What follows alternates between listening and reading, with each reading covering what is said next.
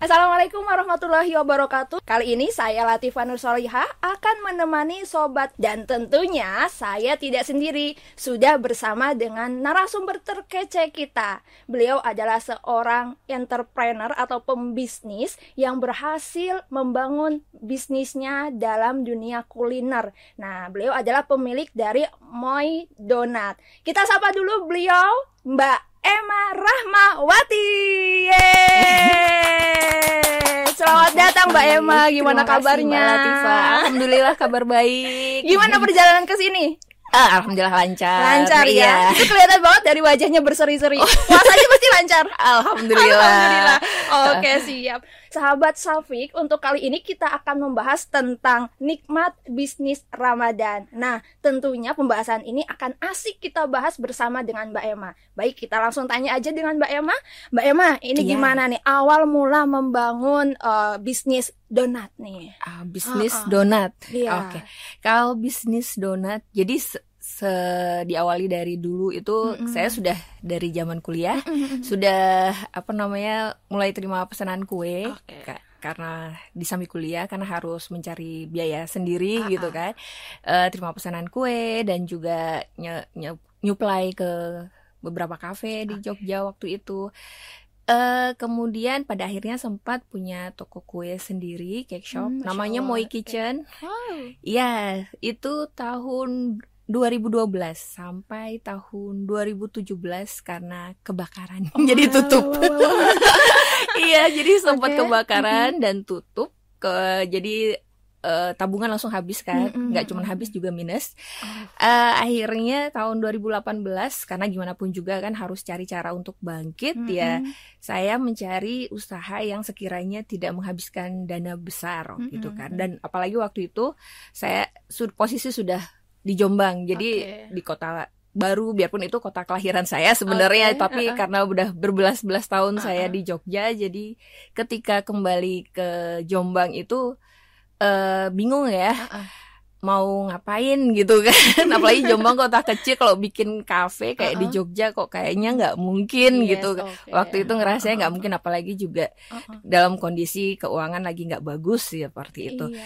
akhirnya setelah survei pasar Mm-mm. dan segala macam ya akhirnya memutuskan untuk coba donat Biasa. setelah itu itu pun dulu itu mbak saya mulainya dari jualan di gerobak karena kan Wow. kondisi nggak ada uang ya Iya, setelah iya, iya. kebakaran itu gitu kan sendiri atau ada sama teman-teman bareng? Eh, gitu? saya usaha sendiri cuma waktu itu terus nyari karyawan untuk jaga gerobaknya seperti itu. Tapi awal-awal saya masih bikin sendiri terus mulai kewalahan karena Mhm. waktu itu eh, target saya cuma bisa menjual 300-an donat per hari. per hari targetnya kan. Oke. Ternyata 300 donat itu dua jam sudah habis. Wow. Jadi harus nambah. Dan kalau sendiri itu nggak mungkin dikerjakan sendiri. Akhirnya Iya. mulai merekrut karyawan dari Oke. situ. Iya. Lalu tahun 2019 karena saya sudah lama di Jogja, jadi tetap pengen buka di Jogja gitu kan, pengen punya alasan untuk kembali ke Jogja Oh, seperti Cinta Jogja itu. nih. Iya. Oke, jadi oke. tahun 2019 saya buka outlet Moi Donut di Jogja Hmm, seperti Oke, itu. siap. Berarti dari seiring berjalannya waktu tentunya ada tren tersendiri ya untuk Hmm. kenaikan dari penjualan eh, Moi Donat sendiri itu seperti apa nih? Eh jadi kalau yang dari usaha saya yang sebelumnya yang Mm-mm. punya kafe itu eh saya itu merasa kan maksudnya harus refleksi ya kira-kira apa nih Mm-mm. yang harus diperbaiki gitu Mm. beberapa hal yang saya pelajari dari Mm-mm. kejadian itu adalah ya harus selalu mengontrol itu sih eh, mengontrol catatan keuangannya mengontrol cash flow mengontrol eh, produksi dan juga memperbanyak cabang jadi biar kalau ada apa-apa itu tujuannya sederhana jadi kalau biar ada apa-apa gitu paling Uh-uh. tidak ada tempat lain, ada cabang lain yang bisa Uh-uh. mengcover gitu. Setelah 2018 Uh-uh. melihat respon pasar itu bagus, Mm-mm. eh, setiap keuntungan itu saya alokasikan untuk mengembangkan usaha. Oh, oke. Jadi buka cabang baru atau gimana sampai eh, ketika saya membuka cabang di Jogja itu tahun 2019 yang di. Jombang waktu itu sudah ada tiga tempat Oh, alah. seperti itu. Oke.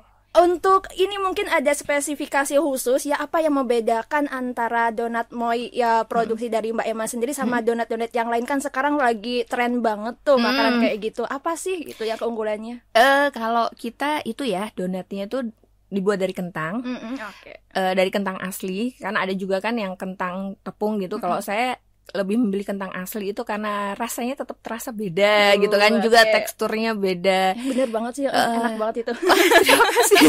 Eh, jadi rasa dan teksturnya itu tetap kerasa kalau misalnya pakai kentang asli Oke. seperti itu dan ukurannya juga nggak gede jadi eh, cukupan gitu untuk sekali makan itu insya Allah habis kalau yang donat besar itu kan kadang kita baru setengah jalan udah kenyang gitu Iya, kan. Kalau yang ukuran yang saya pilih itu yang sekiranya satu kali makan itu habis gitu kan. Mm-mm. seperti itu. Terus Mm-mm. juga harganya eh, diusahakan seekonomis mungkin gitu Mm-mm. kan. Eh, jadi eh, kami nggak mengambil nggak mengambil margin terlalu besar yang penting bisa menutup seperti itu Oke, berarti ini adalah uh, salah satu uh, strategi untuk bisa tetap eksis gitu di Iya. antara pesaing-pesaing yang sekarang lagi berkembang gitu ya.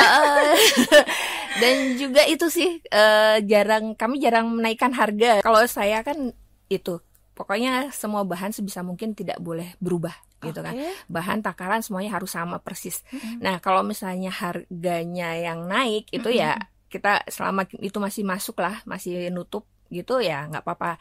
Kita tetap bertahan di harga lama. Oh. Terus juga kalau misalnya sekiranya ada bahan yang benar-benar kosong Mm-mm. seperti minyak yang biasa kita pakai waktu itu sempat menghilang dari pasaran Oh, oh, nggak oh, cuma benar, naik benar. gitu kan nggak ada di pasaran Iya, iya, iya. ya akhirnya ya ca- akhirnya kita cari yang sekiranya kualitasnya sama gitu Hmm, jadi oke. pokoknya nggak boleh nurunin kualitas sama sekali seperti itu kalau sekarang sih saya sangat terbantu dengan Mm-mm. tim yang sudah menurut saya udah bisa sangat diandalkan gitu kan. Mbak Emma kan sekaligus menjadi seorang entrepreneur tuh ya, Mm-mm. udah punya karyawan, juga sebagai seorang ibu nih. Cara Mm-mm. mengalokasikan waktu jadwal Mbak Emma ini gimana nih? Eh kalau saya ter kalau waktu dulu ketika yang saya bilang kondisi keuangannya itu benar-benar sedang terpuruk Oh, gitu oh. kan. Ya akhirnya ada kalanya ya ketika harus memilih kan Mm-mm. untuk ngurus anak atau ngurus usaha gitu. Ah, ah, Tapi ah. kalau misalnya di saat waktu itu beneran minus kan kalau misalnya ngurus hanya fokus ngurus anak gitu ya ntar dikasih makan apa gitu kan. akhirnya ya harus gimana untungnya suami kan juga Mm-mm. sangat support su- sangat support gitu Mm-mm. ketika saya ada kegiatan gitu suami akan menghandle dan juga begitu sebaliknya jadi Oke. ya saling membantu mana yang bisa dibantu seperti itu sih jadi ya bisa sampai ada di titik ini juga karena Mm-mm. dukungan penuh dari suami Oke. seperti itu Tentunya ya pasti sudah ada gambaran ke depan nih mau jalan kayak gimana nih untuk mau uh, donat sendiri. Mungkin ada plan lima tahun ke depan, 10 tahun ke depan kayak gitu. Nah, kalau plan jangka panjang seperti itu sebenarnya saya nggak ada. Jadi benar-benar yang eh, mengalir melihat eh, untuk pengembangan usaha itu kan semuanya dari dana pribadi. Oke. Jadi dari keuntungan yang eh, dikumpulkan sedikit-sedikit seperti itu. Jadi biasanya kalau misalnya ada dana yang mengendap yang kayaknya cukup nih buat Mm-mm. outlet baru terus baru deh kita bikin outlet baru. Jadi Oke, terakhir sekarang Iya. pertanyaannya. Kasih dong tips atau mungkin pesan ke teman-teman em, eh, yang sedang memulai usaha khususnya di bidang kuliner nih. Mungkin Hmm. ada tips atau trik khusus nih buat teman-teman yang sedang memulai. Oke, kalau saya sebenarnya nggak ada tips dan trik khusus ya, hanya saya selalu menjual makanan yang saya sukai Mm-mm. seperti itu karena saya suka makan juga sih. Mbak. Jadi kalau saya sendiri ngerasa kurang cocok Ah, sama ah. entah rasanya, Ah, entah ah. harganya ya, saya belum belum jual itu dulu gitu karena Oke. ya kalau menurut saya gimana kita bisa meyakinkan orang untuk membeli produk kita Oke. kalau misalnya kita sendiri nggak yakin dengan Benar, produk benar. kita gitu jadi yang Benar. penting harus yakin dulu dengan Oke. produk jadi setelah yakin dengan produk baru terus berusaha mengenali pasar cocok nggak sih produk ini di dijual di Oke. situ Mm-mm. seperti itu dengan Oh. kondisi masyarakat yang seperti jadi yang jadi sasaran kita itu Oke. gitu Iya, baru setelah itu ya mulai action Luar biasa banget perbincangan kita kali ini dengan Mbak Emma, owner dari My Donat.